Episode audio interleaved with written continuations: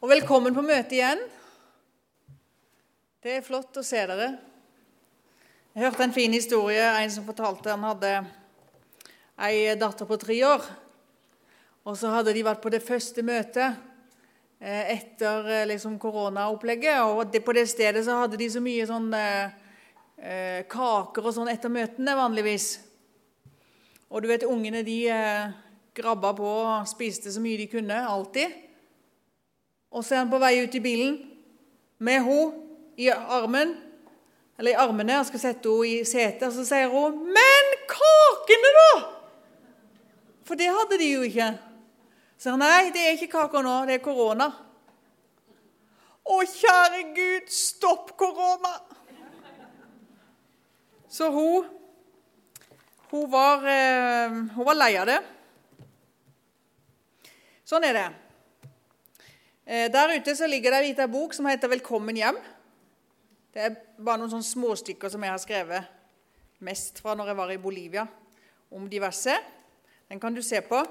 Så kan du betale med VIPS der ute. Det ligger på et bord der ute. Vi må eh, be sammen, og så må vi prise Jesus. Gode Herre Jesus Kristus. Vi vil opphøye ditt navn, og vi vil prise deg for den du er, og for alt du har gjort. Takk for at du er sann Gud og sant menneske. Du er evig Gud. Du er den gode hyrde. Du er vår beste venn. Gode Herre, hva hadde vi vært hvis ikke vi hadde hatt deg som vår frelser? Gode Herre, vi ber om din ledelse inn i vårt liv. Herre, vi ber om renselse inn i vårt liv og tilgivelse inn i vårt liv. Takk for at du er kommet med, med fred og glede i Den hellige ånd. Amen. Jeg var så vidt henne på Tryggheim i dag, og så var det ei som sa det at ja, i pausa der så eh, hadde de eh, noen som hadde vært her i går, og så hadde de fortalt det at Marit hun sto på talerstolen og inviterte seg sjøl til å komme på besøk og spise både middag og kvelds og alt som var. Så humra og lo de litt. vet du. Var godt de fikk noe å snakke om der på lærerværelset på Tryggheim. Men det er jo litt sånn at av og til så, så er det liksom du blir en, en, en, legger merke til noen ting eller så, så, med noen personer, og så, og så, blir ofte det hengende ved. da. Vi hadde en, jeg husker en, sånn, en, som talte på bedehuset alltid på 17. mai. og Han kalte vi bare 17. mai-taleren. Og Så hadde vi en annen som kom, og han, kalte vi, han sa vi bare 'han med de store ørene'. Så det blir litt sånn. Men tenk på Peter, da. Som ble en sånn viktig person å forkynne i, eh, i menigheten. Og han eh, reiste rundt, og, og, så kanskje de sa det ja, Peter, hvem, hvem, er Peter igjen? Ja, han som banna. Ja, Du husker jo han, han som, han som, bare, han som bare banna på at de ikke kjente Jesus. Tenk på Paulus, da som hadde dratt folk ut av huset. Og så var det kanskje noen som sa ja, du vet han der som forfulgte.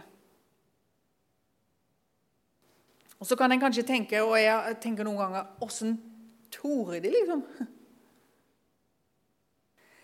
Men jeg tror vet grunnen til at Peter reiste rundt og forkynte hvor som helst. Han skriver i Peters første brev så står det Peter, Jesu Kristi apostel, til de utvalgte, de som er utlendinger og er spredt omkring i Pontus, Galatia, Kappadokia, Asia og Bitynia, utvalgt etter Gud Faders forutviten, i Åndens helliggjørelse, til lydighet og til I min bibel så står det 'bestenkning'. Og Det betyr egentlig renselse med Jesu Kristi blod. Det visste Peter hva var. For han hadde Den kunnskapen han hadde om sin tradisjon og sin religion, det var det at når øverstepresten gikk inn i det aller helligste, og når offeret ble gitt for hele israelsfolkets synder, så kommer eh, øverstepresten eller en av prestene ut etter at det offeret er gitt. Og så står han der, og så sier han til hele folket som sto og venta på at han skulle komme ut, og så sier han det at det, alle deres synder er tilgitt. Så hadde han en sånn bestenkning, noe som han eh, spruta på dem, som er liksom et sånn tegn på at det, det som skjedde der inne, det er en realitet, og det gjelder over deres liv. Vi har jo mange ganger et, et sånn forhold til det med samvittighet. Så snakker vi om god og dårlig samvittighet. Bibelen snakker om det samvittighet på en litt annen måte. For når vi snakker om god og, og dårlig samvittighet, så er vi veldig knytta opp til følelsene. Men vet du hva Bibelen snakker om? Bibelen snakker om, Du kan lese i, i uh, Hebreerne 10,22. Den snakker om en god samvittighet, og så snakker den om en ond samvittighet. Og den store forskjellen på en god og en ond samvittighet, det er at den gode samvittigheten, den er ærlig. Den går rett inn i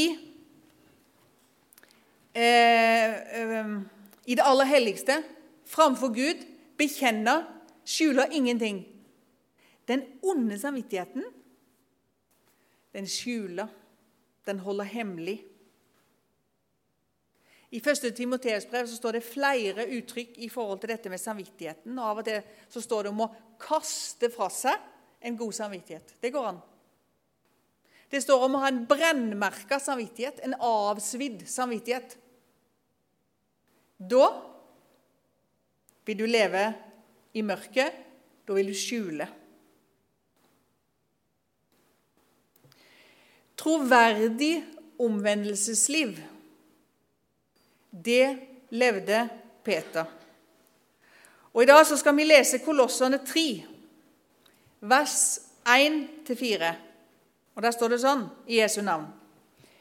Er dere da oppreist med Kristus, så søk det som er der oppe, der Kristus sitter ved Guds høyre hånd. La deres sinn være vendt mot det som er der oppe, ikke mot det som er på jorden.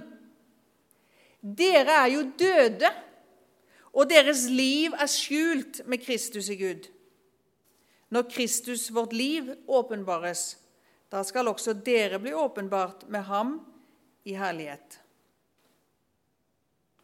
Kristus, vårt liv. Hvis noen kommer med en eh, en smarttelefon eller en, et uh, nettbrett med bilder. Å, altså her er bilder fra konfirmasjonen. Så vi, vet du, å, det er så kjekt å se, og alle disse fine. Og så plutselig Stopp, stopp, stopp! Der er du sjøl. For da må du jo følge veldig godt med. For da må du se åssen ble jeg på håret der, åssen tok jeg meg ut. Kunne jeg se de ekstra kiloene? En er veldig opptatt av seg sjøl. Og Hvis du leser Bibelen på samme måten, eh, så er det ikke sikkert at du får så mange av de bildene. For Bibelen vil jo fortelle om Jesus. Hvem er han? Men tenk det da, at det står om Jesus, og det er vårt liv. Nesten som Han er mitt bilde. Når jeg sier Jesus, så ser jeg meg sjøl. Det er ganske mange av oss som, er, som, har ting i livet som er veldig viktige for oss, som ikke vi vil miste. Hadde det ikke vært for eh, den og den hobbyen, eller hadde det ikke vært for eh, eh fotballen, eller hadde det ikke vært for eh, sol og sommer, eller Ja, hva skulle en gjort da? Men Kristus, er det ditt liv? Det er litt sånn avslørende hvis noen hadde kommet og spurt eh, litt, litt bare sånn, ja, Hva er det viktigste i livet ditt? Så er vi jo av og til litt sånn at vi vet jo hva som er det rette svaret. da. Så hvis vi gir de rette sammenhengene, så sier vi men det er jo Jesus. Men hvis du hadde vært på Rema 1000, og noen kommer bort og sier ja, hva er det viktigste i ditt liv? Nei Hjortejakta? Eller barnebarna? Kristus, vårt liv. I, I, I, hagen til mine, mine foreldre så hadde de et sånt område eh, en stund som det var masse prestekraver. Og Det som var så nydelig med, det, med, med den eh, hagen der, det var det at det, Tidlig om morgenen når, når, på, på, sommeren når sola kom, så sto disse her prestegravene, og så sto de sånn. Så bare søkte de sola. Og når sola flytta seg i løpet av dagen, ja, så, så, så snudde de seg òg. Hele tida. Hvorfor gjorde de det? For det var jo de som ga de liv. De, de levde av sola. På samme måte så er det med oss. Ved Guds nåde så er vi det vi er, hvis du tror på Jesus. Det står ikke her Jesus eller Kristus, vår teori, eller Kristus, det som er rett, men det står Kristus, vårt liv. Å være en kristen det er ikke å ha en liste over hva du skal gjøre og ikke gjøre. En sånn der eh, to do, not to do. Det har Jesus som frelser og herre.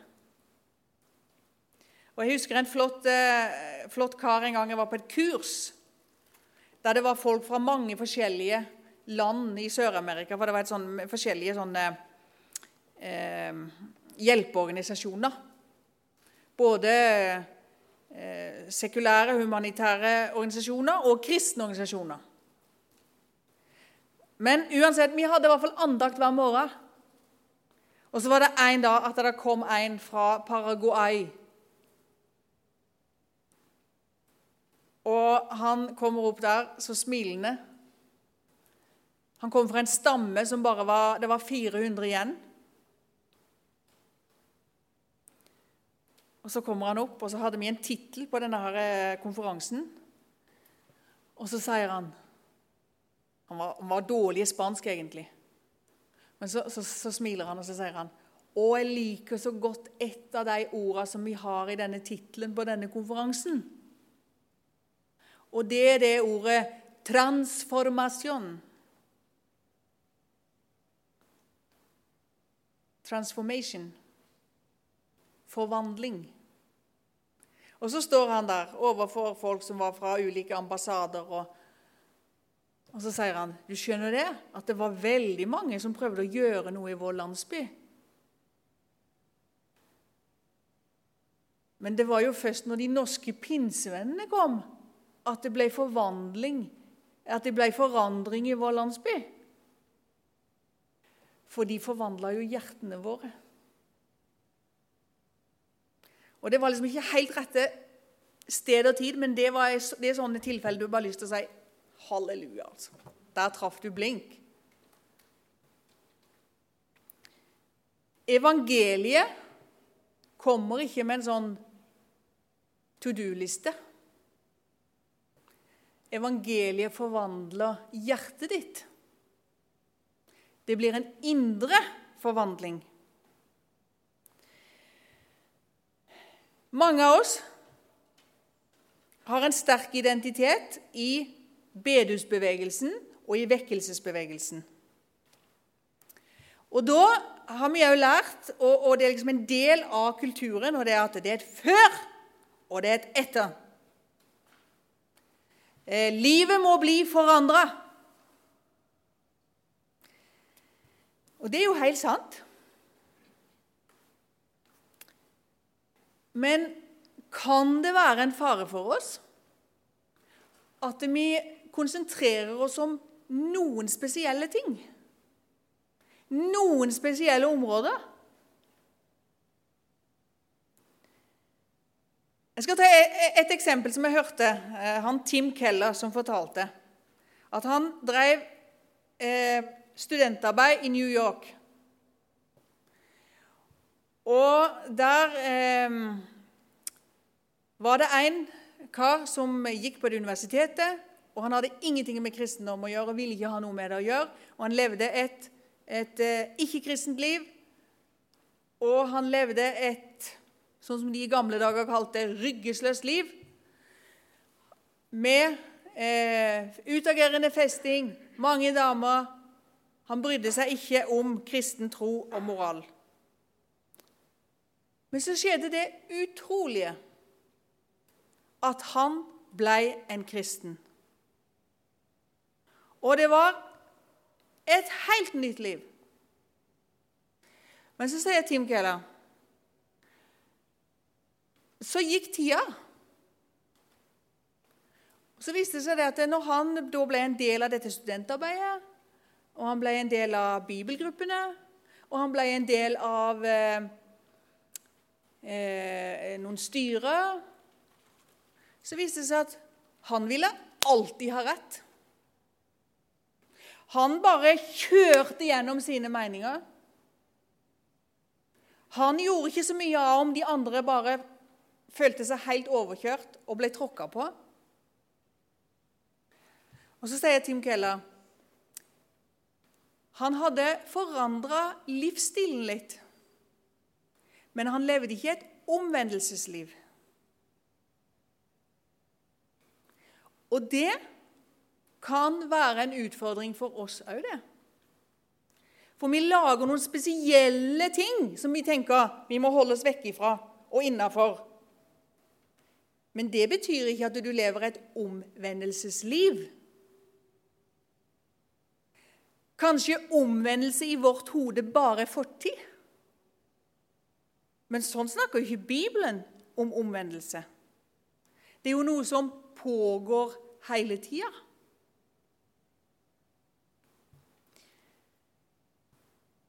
Å bli en kristen og det å være en kristen, det er ikke først og fremst en livsstilendring. Det er en hjertetransplantasjon. Moralister de lever sånn eh, noenlunde ok liv. Tilgitte syndere lever forvandlede liv. Der den indre forvandlingen er det som er det viktigste, og som er basis for alt. Og det gjør de menneskene som har møtt Jesus, og som har forstått Ja, han har kommet for å frelse meg. Han elsker meg helt ubetinga. Da kan det begynne å skje en forvandling. Og under over under, veldig ofte så skjer det òg en forandring. Men det er ikke forandringen som skjer først. Han, eh, Moody han sa Guds ord er ikke gitt oss for å øke vår kunnskap, men for å forvandle våre liv. Evangeliet er ikke at vi gir oss sjøl til Jesus, og at vi gir oss sjøl til Gud, men at han gir seg sjøl til oss. Det er grunnen til at vi kan si Kristus, vårt liv. Da er vi født på ny. Da snakker vi ikke om en livsstil eller moral, men det er blitt en relasjon til vår skaper og til Guds sønn. Og så er det skjedd en forvandling. Du har fått en ny identitet og et helt nytt utgangspunkt for ditt liv for dine tanker, for dine mål i livet. Dåpsliv, den som er døpt, Du er døpt til Jesu død, og du er døpt til Jesu oppstandelse. Dåpsliv er omvendelsesliv. Det er sånn som Peter. Ja, jeg lever i renselsen. Peter han kunne, på tross av hva han hadde gjort, så kunne han si jeg har god samvittighet. Og hvorfor kan du si at du har god samvittighet? Jo, fordi at ikke du skjuler noe. Mens vi bruker ofte det med å ha god og dårlig samvittighet i forhold til ja, jeg når ikke opp, jeg klarer det ikke, jeg ligger så langt etter.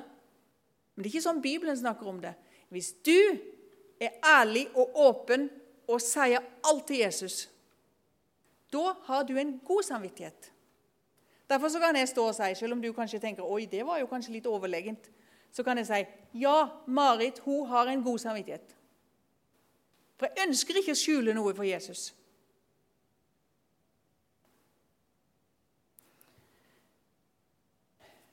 Noe som vi kanskje ikke tenker på, det er at det, er ikke bare kristne som driver med et omvendelsesliv. Alle lever egentlig et omvendelsesliv. Alle blir omvendt til noe. Alle har noe som de setter først i livet. Men de vil ikke komme på oss og si det at ja, jeg har noe som jeg setter først i livet, og det definerer meg, og det prøver jeg å bli mer og mer tro imot, de kaller jo ikke det et omvendelsesliv. Det du har på førsteplassen i livet ditt, hvis ikke det er Herren Gud, den treenige Gud, Bibelens Gud, så er det en avgud. Og hva i livet ditt er det, har du som ikke du kunne tenke deg å gi slipp på? Jeg og Inger-Lise vi snakka i dag om eh, forskjellige ting, og så sier jeg vet du hva, jeg vet ikke hvordan jeg skulle klart meg uten bilen. Nei.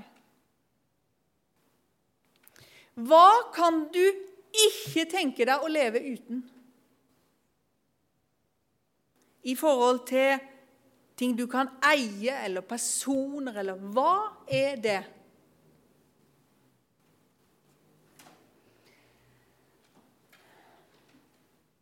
Hvis jeg spør deg om du er avhengig av noe For det er noe som ikke du vil oppgi. Når en er avhengig av noe, så vil en ikke oppgi det, egentlig. Og kolossene sier det. Litt seinere, etter det verset som jeg leste, så står det at, at en skal døde våre jordiske legemer med utukt, urenhet, syndig lidenskap, ond lyst og pengegriskhet, som er avgudsdyrkelse. Vi er ganske gode til å plassere avgudsdyrkelse som veldig langt unna. Et helt annet geografisk sted, ikke hos oss. Der er tjukt av avgudsdyrkelse i Norge. Og der er tjukt av avgudsdyrkelse på Vigrestad. Og der er antageligvis tjukt av avgudsdyrkelse i ditt liv. Og så er det sånn at, at når, når, Jesus kommer inn i livet, eller når Bibelen taler til oss, så er det liksom ikke sånn at du bare kan flytte liksom, den avguden du har, litt, liksom litt sånn inn, inn til sida. At den blir litt mindre viktig at, at, det å bli en kristen det blir på sånn type ommøblering. Nei, en avgud må bli erstatta av noe annet. Av Kristus. Kristus, ditt liv. Ingen over, ingen ved siden av. Bare Jesus, han og ingen annen. For du er jo død med Kristus. Og når Han, vårt liv, står opp, og har stått opp, så har du stått opp til et helt nytt liv.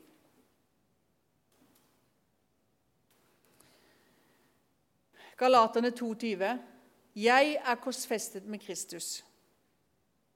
Jeg lever ikke lenger selv, men Kristus lever i meg. Det livet jeg nå lever i kjødet, det lever jeg i troen på Guds sønn. Han som elsket meg og ga seg selv for meg.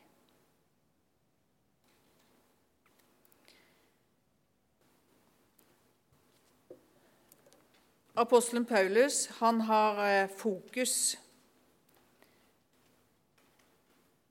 på at Jesus skal komme igjen. Det er jo ikke sånn at eh, at eh, ja, Jesus døde for oss. Han sto opp for oss. Skal vi leve med han, så kommer det jo noe videre. Vi skal jo leve med han for alltid. Bibelen snakker mye om at Jesus Kristus, han kommer igjen. Ikke hvis han kommer. Og så er jo kanskje av de som tenker å ja, nå er det så, folk tror så lite på Bibelen og eh, det som står der. Men det er ganske mange av oss, og det er veldig alvorlig. Vi lever som om Jesus aldri skulle komme tilbake.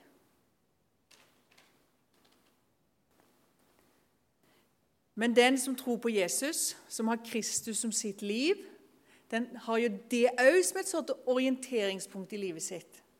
At Jesus kommer jo tilbake. Og da får det òg store konsekvenser for oss. Kristendommen ble ikke kristendom fordi at Jesus sa så mange lure ting. Kristendom er kristendom fordi Jesus sto opp fra de døde. Tror du på oppstandelsen fra de døde? Tror du virkelig på den? Det får enorme konsekvenser for ditt liv. Det er ikke bare en sånn tørr teori, men det, det er liv i det. Forvandling. Det er Jesu døde oppstandelse som er grunnlaget og utgangspunktet for utfordringa om å søke det som er der oppe, der Kristus sitter. Og som er grunnlaget for at vi kan og vil og ønsker og leve et liv til Hans Herre. Oppstandelseskraften, det er ikke bare teori. Peter han sier han har gjenfødt oss til et levende håp ved Jesu Kristi oppstandelse fra de døde. I Filipperne 3,10 så står det så jeg kan få kjenne ham og kraften av hans oppstandelse. Den som er oppreist med Kristus, har del i oppstandelseslivet. Og den samme kraft som Gud reiste opp Kristus med, virker i den som tror. Det påvirker dine handlinger, dine tanker, hele ditt liv.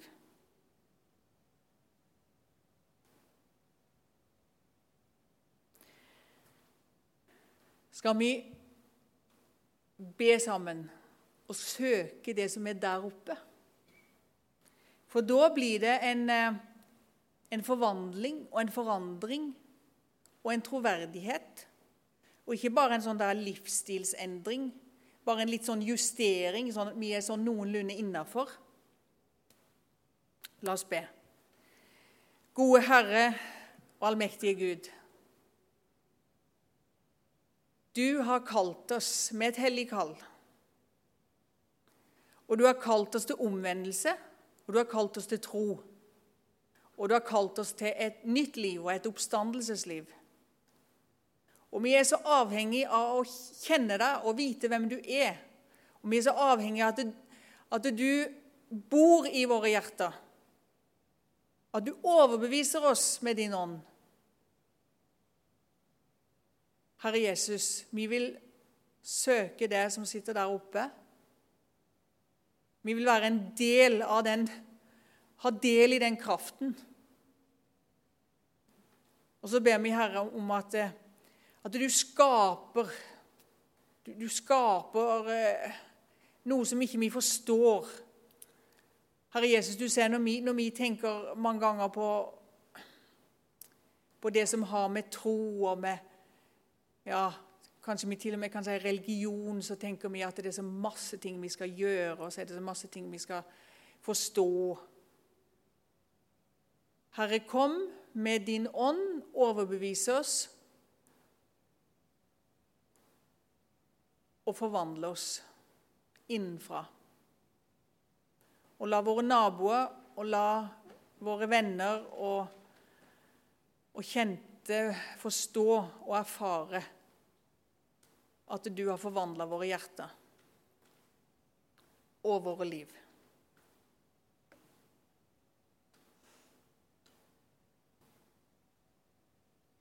Amen.